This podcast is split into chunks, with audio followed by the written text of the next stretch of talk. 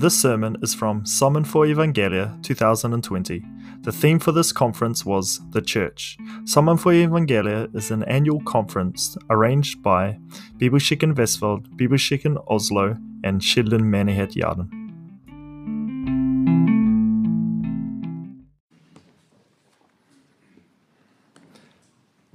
Good evening.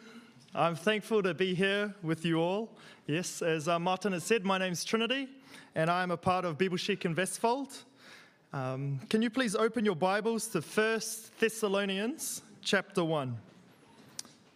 I've been asked to speak on this chapter by my elders, and so I feel a, a great privilege, of course, but also a heavy weight as I open the word for you all today. So, 1 Thessalonians chapter 1. As you turn there, uh, let me share that I absolutely love watching people do really well. I'm just fascinated by it. I, I love seeing people be the best at something. Uh, it doesn't even matter what it is. Uh, it could be running, jumping, swimming, biking, cooking, juggling, video games. It doesn't matter. Seeing people absolutely destroy their competition just makes me happy. Don't, don't get me wrong, I'm normally thankful I haven't invested or, or wasted my life uh, working so hard on something that doesn't seem worth it.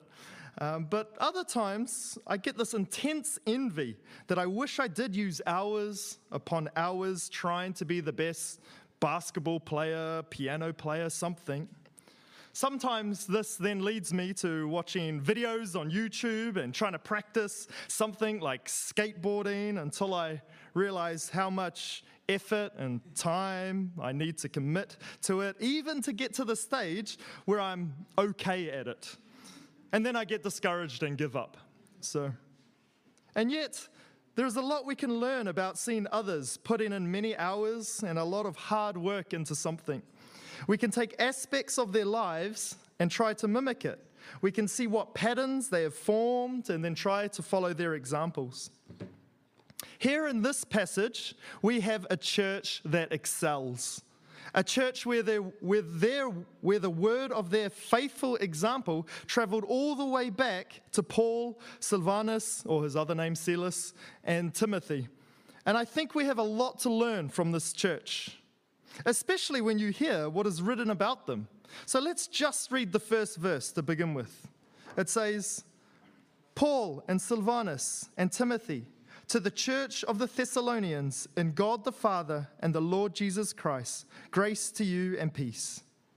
Paul, who felt no need to mention his apostleship, as it was not doubted by the Thessalonians nor opposed by any false apostle, uh, he puts himself humbly on the same page as Silas and Timothy, and then they write together to the church of the Thessalonians, knowing for sure that they are in God the Father and that they are in the Lord Jesus Christ, and are therefore those that are saved, those that can be called the church. And just jump down to verse 4 and listen to their certainty. Verse 4 says, Knowing brethren, beloved by God, his choice of you. So Paul and the others knew for certain that those in the Thessalonian church were saved, that they are those who have been elected to salvation, that they are brothers and sisters in Christ, that they are those beloved by God who have repented of their sin and have trusted Jesus as their Savior and Lord. How could Paul possibly know this? Well, and jump up again to verse 2. It says, We give thanks to God always for all of you, making mention of you in our prayers. Really, Paul? All of them? You thank God always for all of them? Paul is saying to this church, Oh, I know you're in God and therefore you're in Christ, and I know you're recipients of grace and peace. I can constantly thank God always for all of you. I know you are brethren. I know you are beloved of God. I know you are chosen of God. I don't think he is lying. He didn't start all his letters this nice. Think of the letter to the Galatians. He doesn't say this to all the churches. So, how, how could he say this? What is it about this church that gives Paul so much delight? Because whatever it is, I think we should want it also. Whatever this church is doing to make Paul feel this way, giving thanks to God always and being sure that they're in Christ, then we need to follow their example. So, whatever church you are a part of, and I hope you are a part of a church, I believe that the Thessalonian church has a lot to offer us. In this chapter, we see three different categories in which the Thessalonian church is an extraordinary example for us to follow in our churches. So, if you're taking notes, this church is an ex- extraordinary example to us in first, their foundation, that is verses 3 to 5, two, and their transformation, and those, those are verses 6 to 7, and finally, three, their witness, and those are verses 8 to 10. So, now I'm going to try not to confuse you, but within these three categories, there are 10 words altogether that I can see in this chapter that represent what they did well. 10 things we need to learn from their example. So, under the category their foundation, which is verses 3 to 5, uh, I can see these four words faith, love, hope, and gospel. In the second category, which is their transformation, in verses 6 to 7, I can see these three words imitators, joy, example. And in the final category, uh, under their witness, in verses 8 to 10, uh, I can see evangelism, repentance, and perspective. That means we have 10 words to unpack within three categories. So let's get to work. Let us begin by reading the chapter I'll be reading from the NASB version. 1 Thessalonians chapter 1. Paul and Silvanus and Timothy, to the church of the Thessalonians in God the Father and the Lord Jesus Christ, grace to you and peace. We give thanks to God always for you, all of you, making mention of you in our prayers constantly bearing in mind your work of faith and labor of love and steadfastness of hope in our Lord Jesus Christ, in the presence of our God and Father, knowing, brethren, beloved by God, his choice of you. For our gospel did not come to you in word only, but also in power and in the Holy Spirit and with full conviction, just as you know what kind of men we proved to be for your sake. You also became imitators of us and of the Lord having received the word in much tribulation with the joy of the Holy Spirit, so that you became an example to all the believers in Macedonia and Achaia. For the word of the Lord has sounded forth from you, not only in Macedonia and Achaia, but also in every place your faith toward God has gone forth, so that we have no need to say anything. For they themselves report about us what kind of a reception we had with you, and how you turned to God from idols to serve a living and true God and to wait for his Son from heaven, whom he raised from the dead, that is Jesus, who rescues us from the wrath to come. Can I say something before we begin? For those that have been a part of Sheldon or Bibelskilken for many years, I do not think I'm going to share anything that is new to you. I don't. Sure, it might be said differently, uh, but I would be shocked if there was an overall principle here that was new to you. But since we are prone to forget and we need encouragement to remember these things, I pray the Lord will give us ears to hear, hearts to love, and hands to obey. So let us pray. Father, we need you. Open our eyes to see what a great example this church in Thessalonica was. Let us follow them as they followed your Son, Jesus Christ. Protect me from error. We need your grace. Speak to us through your word. In Jesus' name, amen. So, the first category of why this church is an extraordinary example for us to follow is because of their foundation. And that's in verses 3 to 5. And the four words we'll look at are faith, love, hope, and gospel.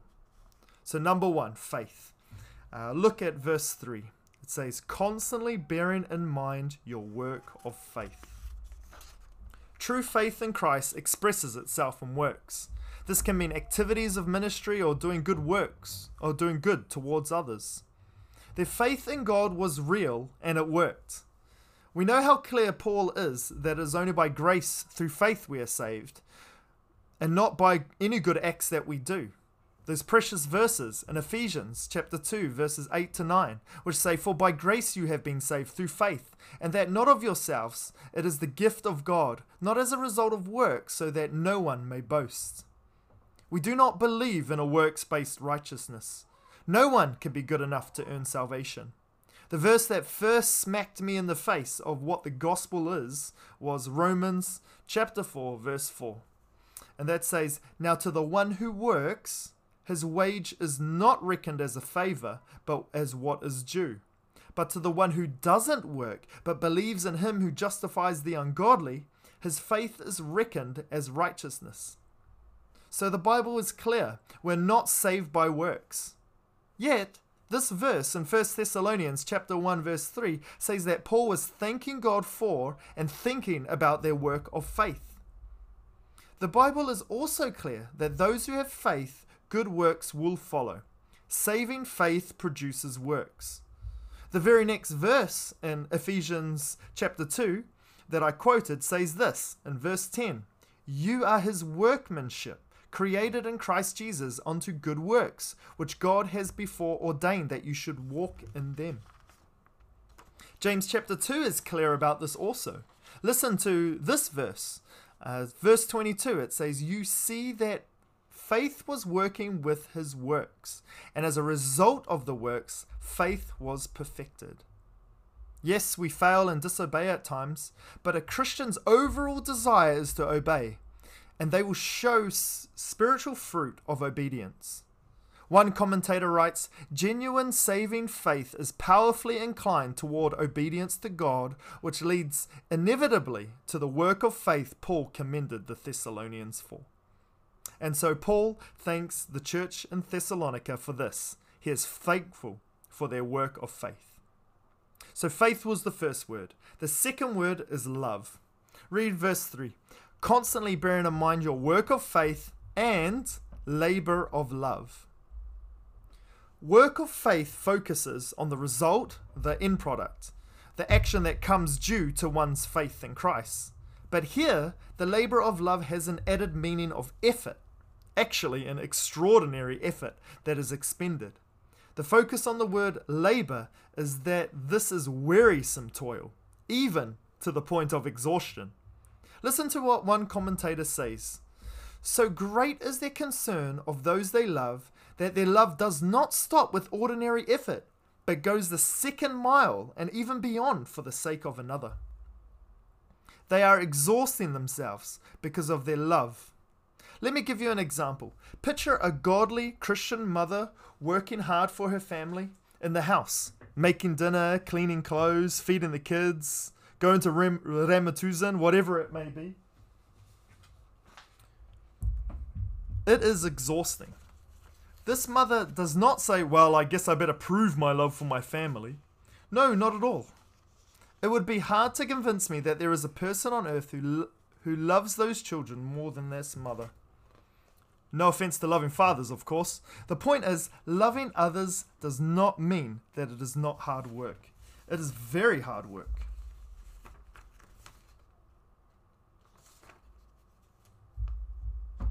But it comes from her love for her family, not as some way to prove to others that she loves them. This is the same for the Thessalonians. There is genuine care they have for others, and they are exhausting themselves to love others. And Paul is so thankful for that. In hearing this, uh, do not get caught in one of the two ditches. The first one is to say that love is only a verb, it is an action, and so we must force ourselves to do it with no compassion for others. This is completely disconnected from any desire. Love is not merely the action of meeting others' needs, it includes the motive of the action. Listen to this quote by Jon Bloom he says, anything that looks like love but isn't done for God's glory and with a desire that others may taste and see that God is good is not true love. It is godless love that has lost its soul. Godless love is a sin. And 1 Corinthians chapter 13 verse 3 is evidence of that. It says, uh, If I give away all I have and deliver up my body to be burned, but have not love, I gain nothing there is a legitimate affection for others. And the second ditch is that thinking that loving others well is not exhausting, because it definitely can be. Often it is. So, how do we get a biblical balance? This love for others needs to be well rooted in God's love for you. Again, a paraphrase from Jon Bloom. If you are unable to exhaust yourselves for others without having an intense battle with legalism and desire, then you need a deeper transformation, a profound reordering of your soul's affections. And this only happens by looking at the glory of the one who is love, God, until we delight in Him more than anything else. Gaze at God and His love before exhausting yourself on loving others. And I love this quote from John Piper, and he says, Love is the overflow of joy in God that gladly, gladly meets the needs of others. Jesus did not die for sinners just because he had to. His love was a, was a willing, self sacrificial love for the good of another that did not require us being paid back or us being deserving of his love. Such is God's love for us. Such was the Thessalonians' laboring, exhaustive love for others. A great spirit of self sacrifice is present because such is inseparable from Christian love. No wonder Paul thanked God for them. What an example for us to exhaust ourselves in loving others with joy because of our all satisfying joy in God. So that was the second word, love. The third word is hope. Hope. Let us read verse 3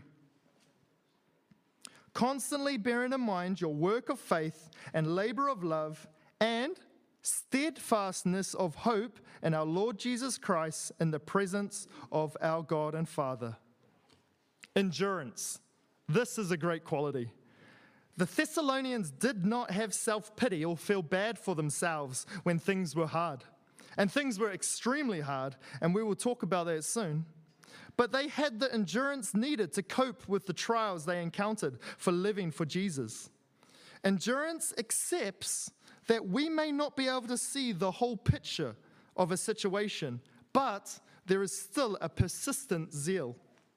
I love what Robert Tom- Thomas says about this. He says, It rules out discouragement and goes forward, no matter how hopeless, humanly speaking, the situation. This steadfast hope eagerly awaits the final glory that would be theirs at the coming of Christ. How was, it, how was this possible to have such a steadfastness? To consistently hope despite the circumstance? Verse 3 gives the answer. Verse 3 says, And steadfastness of hope in our Lord Jesus Christ, in the presence of our God and Father. This is possible only when our hope comes from our hope in Christ. A Christian's hope looks to the future certainties surrounding the return of our Lord Jesus Christ. It is this confidence in the future which sustains a Christian in their work of faith and labor of love. They labor because of their faith in Christ. They labor because of their love for others, and they labor with the firm expectation that what Christ began at his resurrection will be brought to ultimate consummation at his coming. This is far more than a hope that we use today. Nowadays, when we say, Oh, I hope you pass the test, or I hope you win the prize, or I hope it isn't raining tomorrow, I'm sure you from Stavanger know what that's like. It's more about a wishful thinking, right? It's about a less than sure tomorrow. So I, I think I still have some PTSD from living in the West here in Norway, the rain. But, um, but no, this is a steadfast, sure, certain hope that comes from our hope in Christ. So, the first three words that represent why the Thessalonian church was an extraordinary example was because of first, their faith, a working faith, two, love, a laboring love, and three, hope, a steadfast hope. There is no surprise that Paul is thankful for their faith, love, and hope, and that faith, love, and hope would be their foundation for being a faithful example, right? If you've been reading your Bible long enough, you would know that these three words come up a lot. It seems so simple, and yet these may not be our foundation. Are we known for our working faith, our laboring to the point of exhaustion, love, and a rock solid, steadfast hope? I hope your leaders can look at you and say, I thank God for that this is true in our church. Now, their foundation would not exist if it wasn't for the next word. So the fourth word is gospel. And we see that in verses 4 and 5. Let's start by reading verse 4. Knowing, brethren, beloved by God, his choice of you. Paul now mentions the foundation where these graces of faith, love, and hope flow, Name, namely God's electing love. Listen to what Matthew Henry says. He says, Thus Paul runs up these streams of faith, love, and hope to the fountain, and that was God's eternal election. And it is a good reason why we should love one another, because we are all beloved of God, and we're beloved of Him and His counsels when there was not anything in us to merit His love. How amazing! Beloved, even when we were ungodly. Listen to how beautifully Paul writes about being loved when we're ungodly in Romans 5, verses 6 to 11. It says, For while we were still helpless, at the right time, Christ died for the ungodly. For one would hardly die for a righteous man, though perhaps for the good man someone would dare even to die.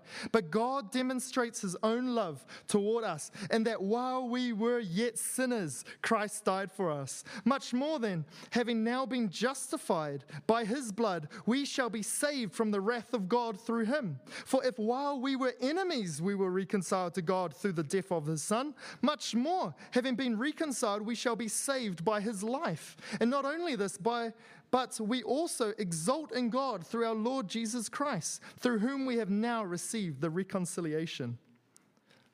This is a great truth. Loved when we were ungodly, saved in Christ by belief and repentance.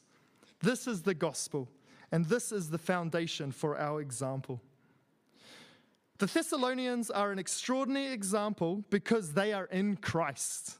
That is why they have a working faith, a laboring love, and a steadfast hope, because they believe the gospel. The gospel that was preached to them was also lived in front of them. So let's read verse 5. For our gospel did not come to you in word only, but also in power in the Holy Spirit and with full conviction, just as you know what kind of men we proved to be among you for your sake. Paul and the others faithfully preached the gospel to them.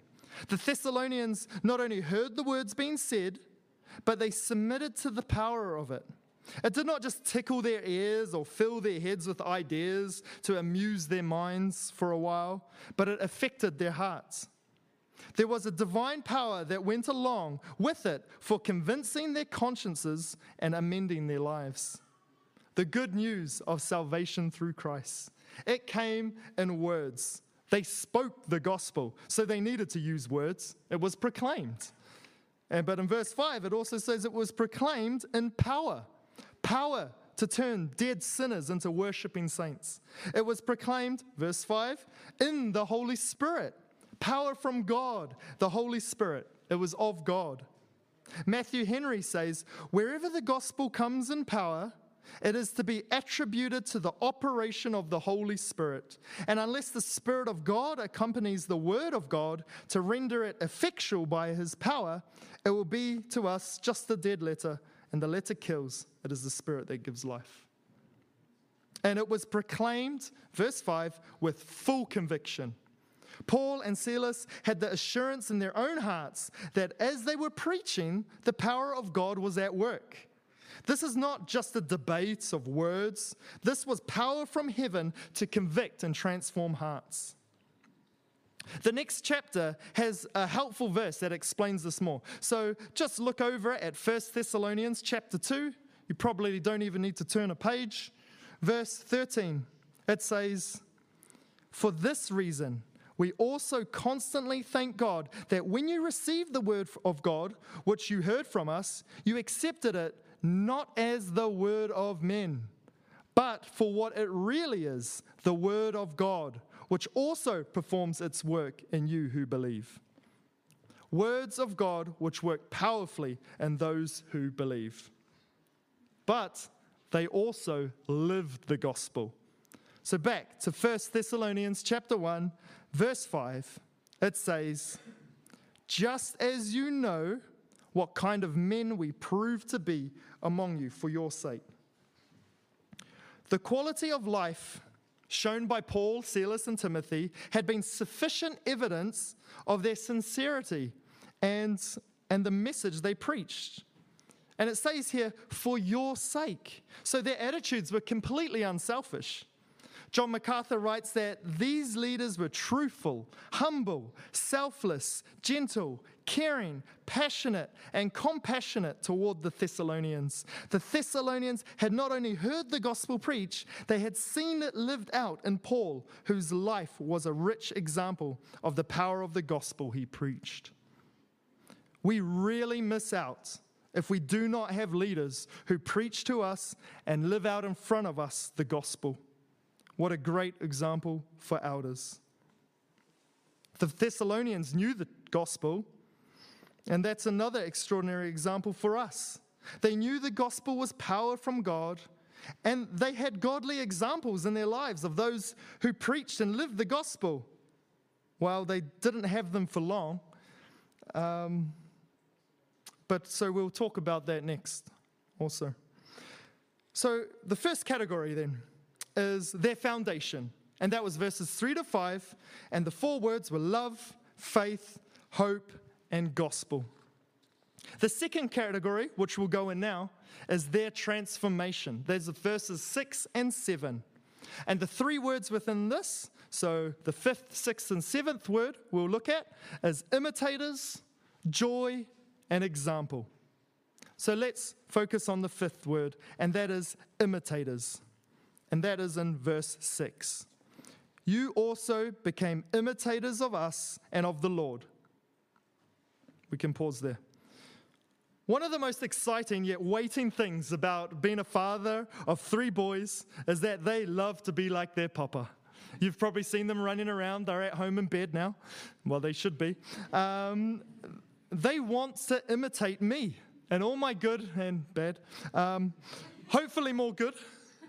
And my boys see me daily, the way I talk, dress, act. They have front row seats to my example. Just think through this. This church, in the middle of a pagan environment, and they did not have veteran leadership once Paul and the others left. I am so thankful for my elders at my church, Bob, Kenneth, and Arland. I long to imitate them as they imitate Christ. I praise God for them. And there are many in this room who I long to imitate and learn from. Leave and I frequently talk about elders and families from our previous church in New Zealand who we still now long to imitate. The way they raised their families, the way they served the church, the way they loved all people.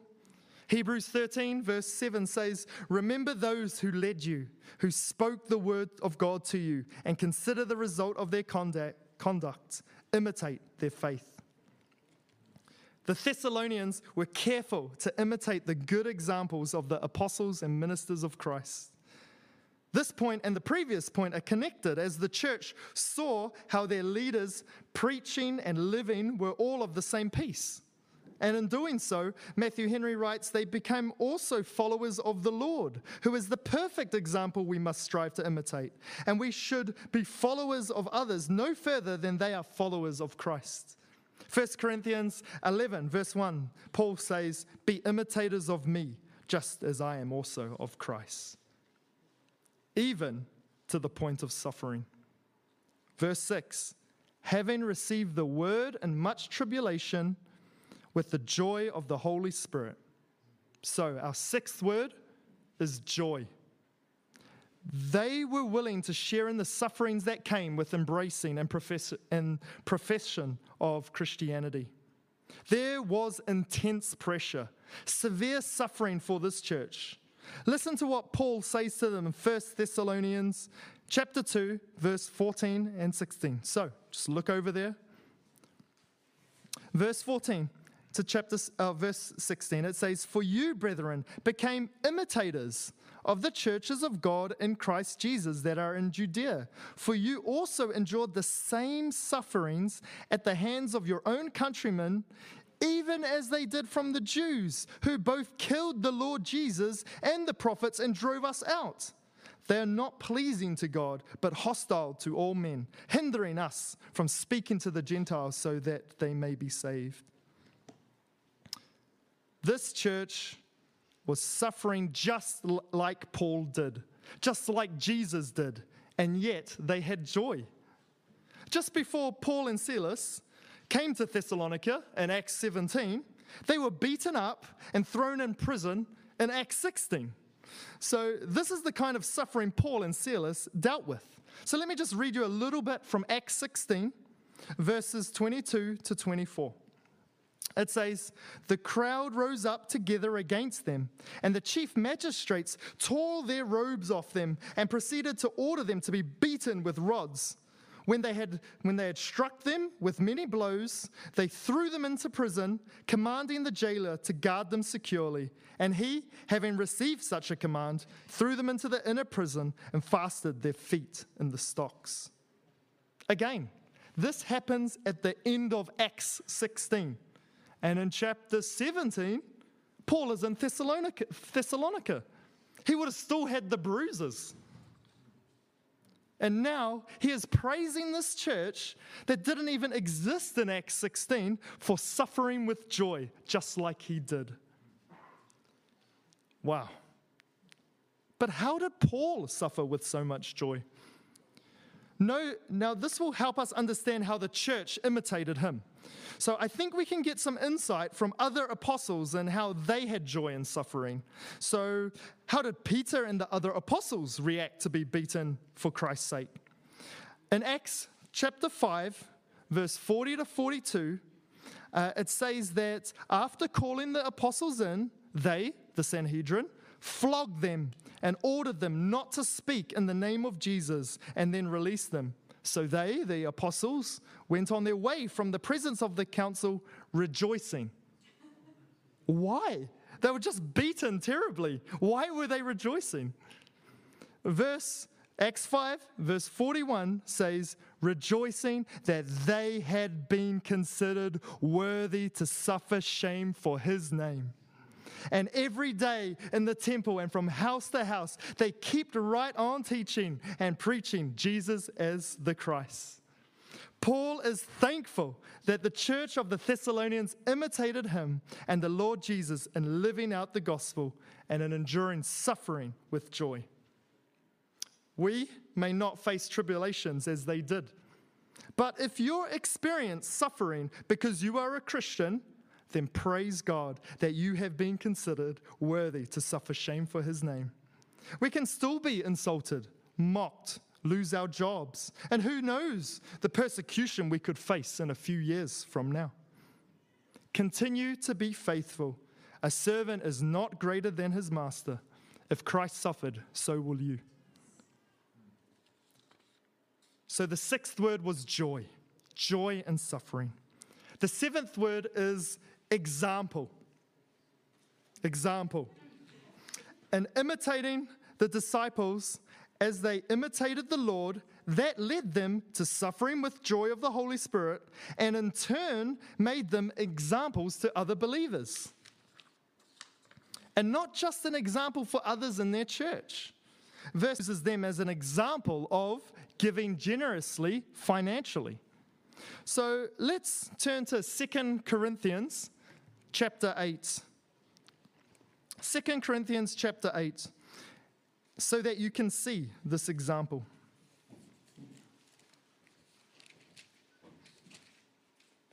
Second Corinthians chapter 8, verses 1 to 5. It says, Now, brethren, we wish to make known to you the grace of God, which has been given in the churches of Macedonia Okay, pause there. This is where the church of Thessalonians was, along with Philippi and Berea. They were in Macedonia. Uh, verse 2, it says that in a great ordeal of affliction, their abundance of joy. Okay, did you just hear that? Pause. Did you hear that? Does that sound familiar? That sounds exactly like Paul writing to the Thessalonians. Let's read it again. Verse 2 that in a great ordeal of affliction, their abundance of joy and their deep poverty. Okay, deep poverty. We need a pause there. They were in severe economic distress due to many wars that came through and plagued them, to the point that many in those areas were beggars. But it says here in verse 2 and their deep poverty overflowed in the wealth of their liberality or generosity or sincerity.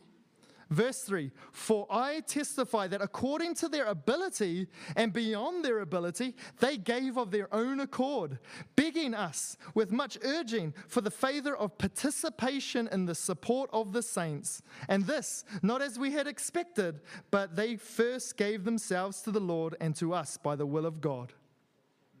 The Macedonian believers, so those in the church of the Thessalonians, were rich in their generosity to God and others.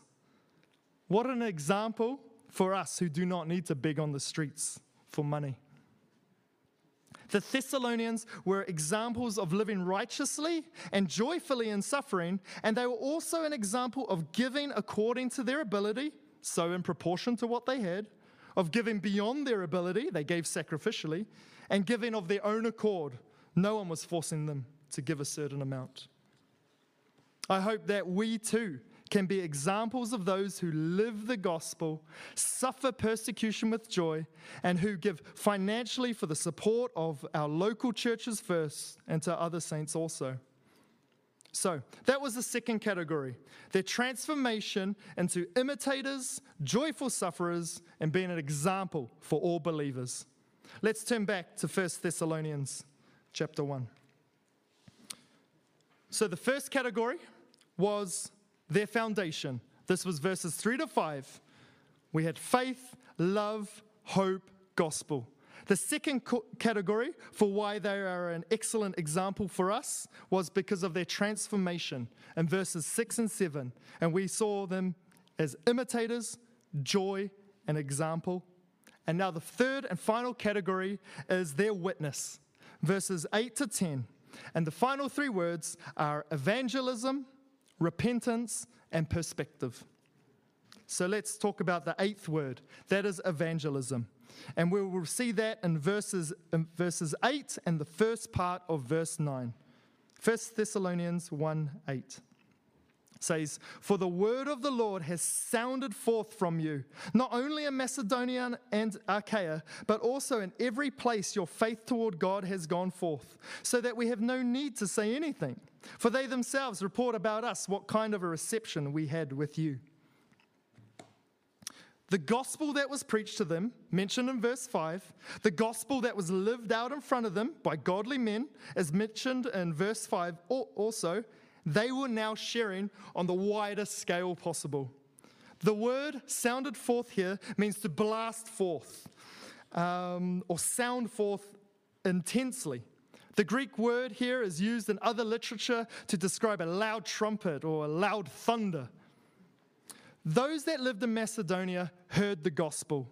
Those that traveled through Macedonia for travel and trade heard the gospel. Those that visited the city by ship and used its port facilities heard the gospel. When the Thessalonians traveled to Achaia, people heard the gospel. Wherever the Thessalonians went, people heard the gospel. The proclamation of the gospel was a constant sound that stretched wider and wider out. It was such a powerful witness that Paul was running into people who would tell him, Oh, yeah, we know Silas and Timothy have been there, and you have been there. A Thessalonian told me about when, when that you preached the gospel to them, and they've been talking about how faithful you were in preaching to them, and they want to imitate you as you imitate Christ. That was the kind of thing that Paul was hearing, not saying, hearing. Just think about the joy Paul, Silas, and Timothy would have had hearing this. So let, let, me, let me just try and give a modern day example. Pastor Bob is my elder, and that will be kind of like Pastor Bob, who's from America, not needing to send an email update to his supporters in America, because those in America are actually emailing Bob about the extraordinary example of the church here in Sandefjord. Wouldn't that be a nice email to get, Bob? So,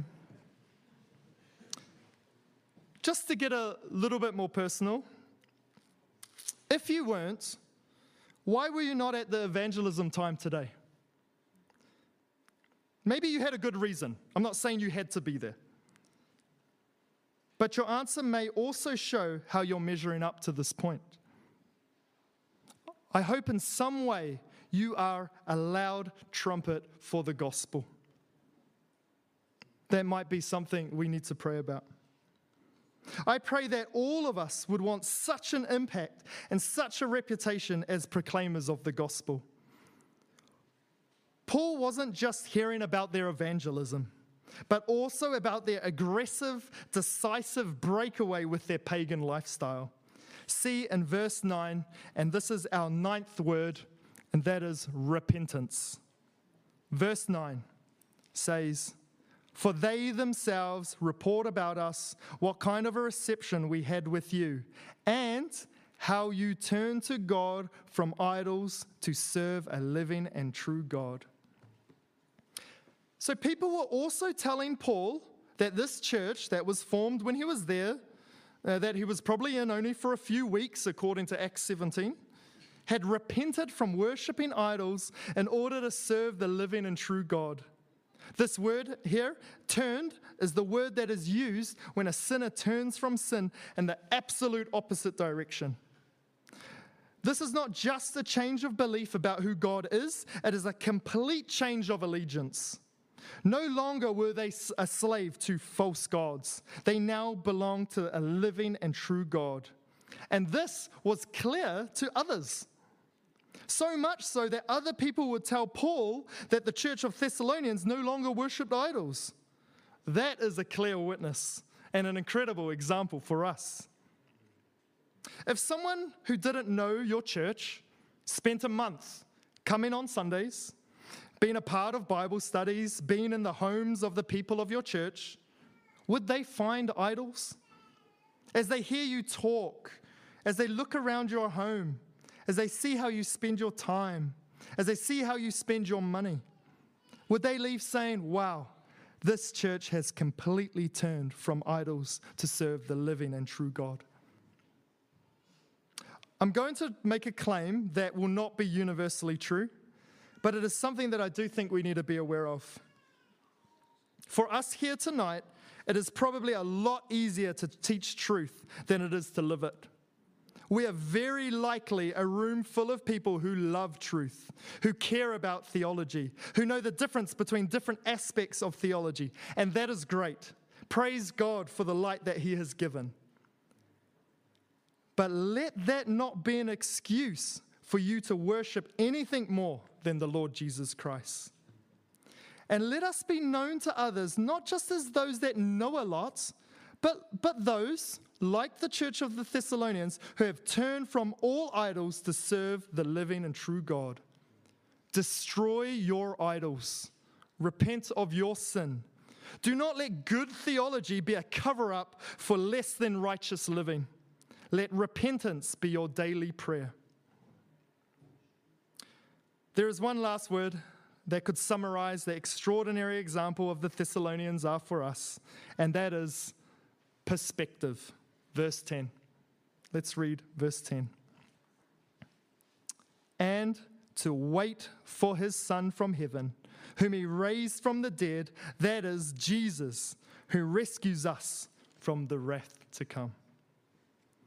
Those who love Christ long for and eagerly await for his return. The word wait in this verse means an expectant wait, a sustained, patient, trusting waiting. And this is one of the strange but essential aspects of our faith. We wait expectantly for Christ's second coming. This is the great sustaining hope we have that this day will come. He will come again. Or have you forgotten? Are you so easy to forget? Do you not remember that Christ most definitely will return again? Have you forgotten your eternal hope? Has your vision been blinded by the temporary?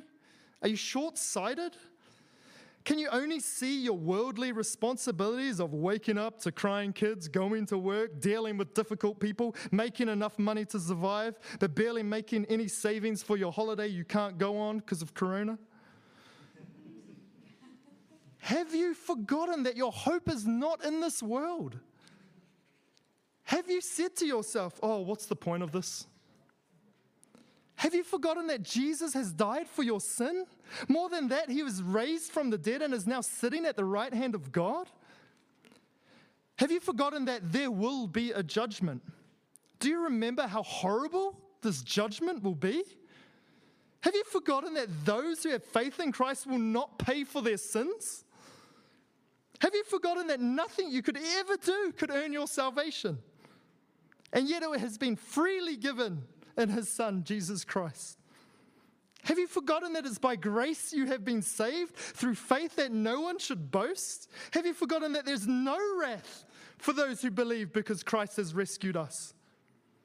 Do you not know that no suffering, and I say no suffering you experience here on earth, can compare to the joy you will experience a thousand years from now if you are in Christ? This is your great hope, Christian. This is why you can have faith, a faith that works, a love that labors, and a steadfast hope. The Thessalonians did not forget. This world was not their home. Their perspective is eternal. They are there now. We must remind one another of these things. So let me close with Paul's words to the Thessalonians in 1 Thessalonians chapter 5 verses 9 and 11.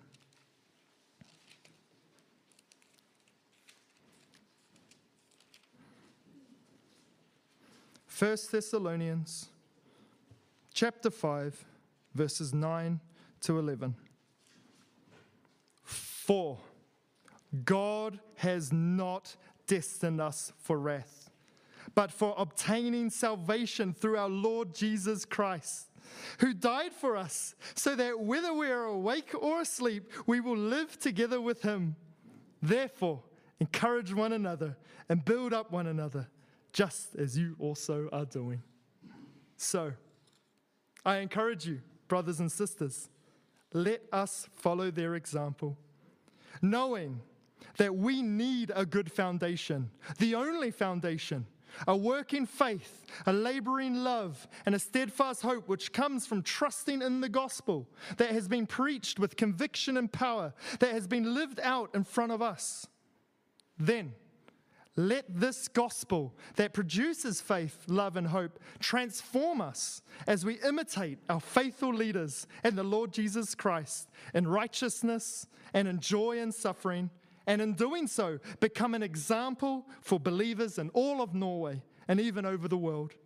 And finally, let our witness be one of faithful evangelism in word and in action, marked by a life of genuine repentance from idols and sin, and with a perspective that remembers what Jesus has done for us with a perspective that looks forward to the time when sin will be dealt with, his wrath will rain down, and those that are in Christ will be saved and will be with him forever.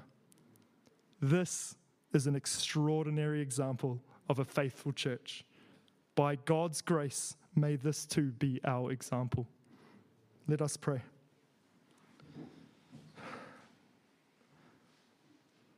Oh Lord, we need you. Protect us. Give us strength. Help us to be more like your Son. Help us to follow the example of this church, to encourage one another, to remember these things. Thank you for days like this, for conferences like this where we can do that. We need your grace, Lord. As Luther said, if you leave us here alone, we will ruin everything. Do not leave us. We need you, Lord. In Jesus' name, amen. Thank you for listening to this sermon. If you would like more information, please visit sammenforevangeliet.no or our Facebook page, Sammen for Evangeliet Norge.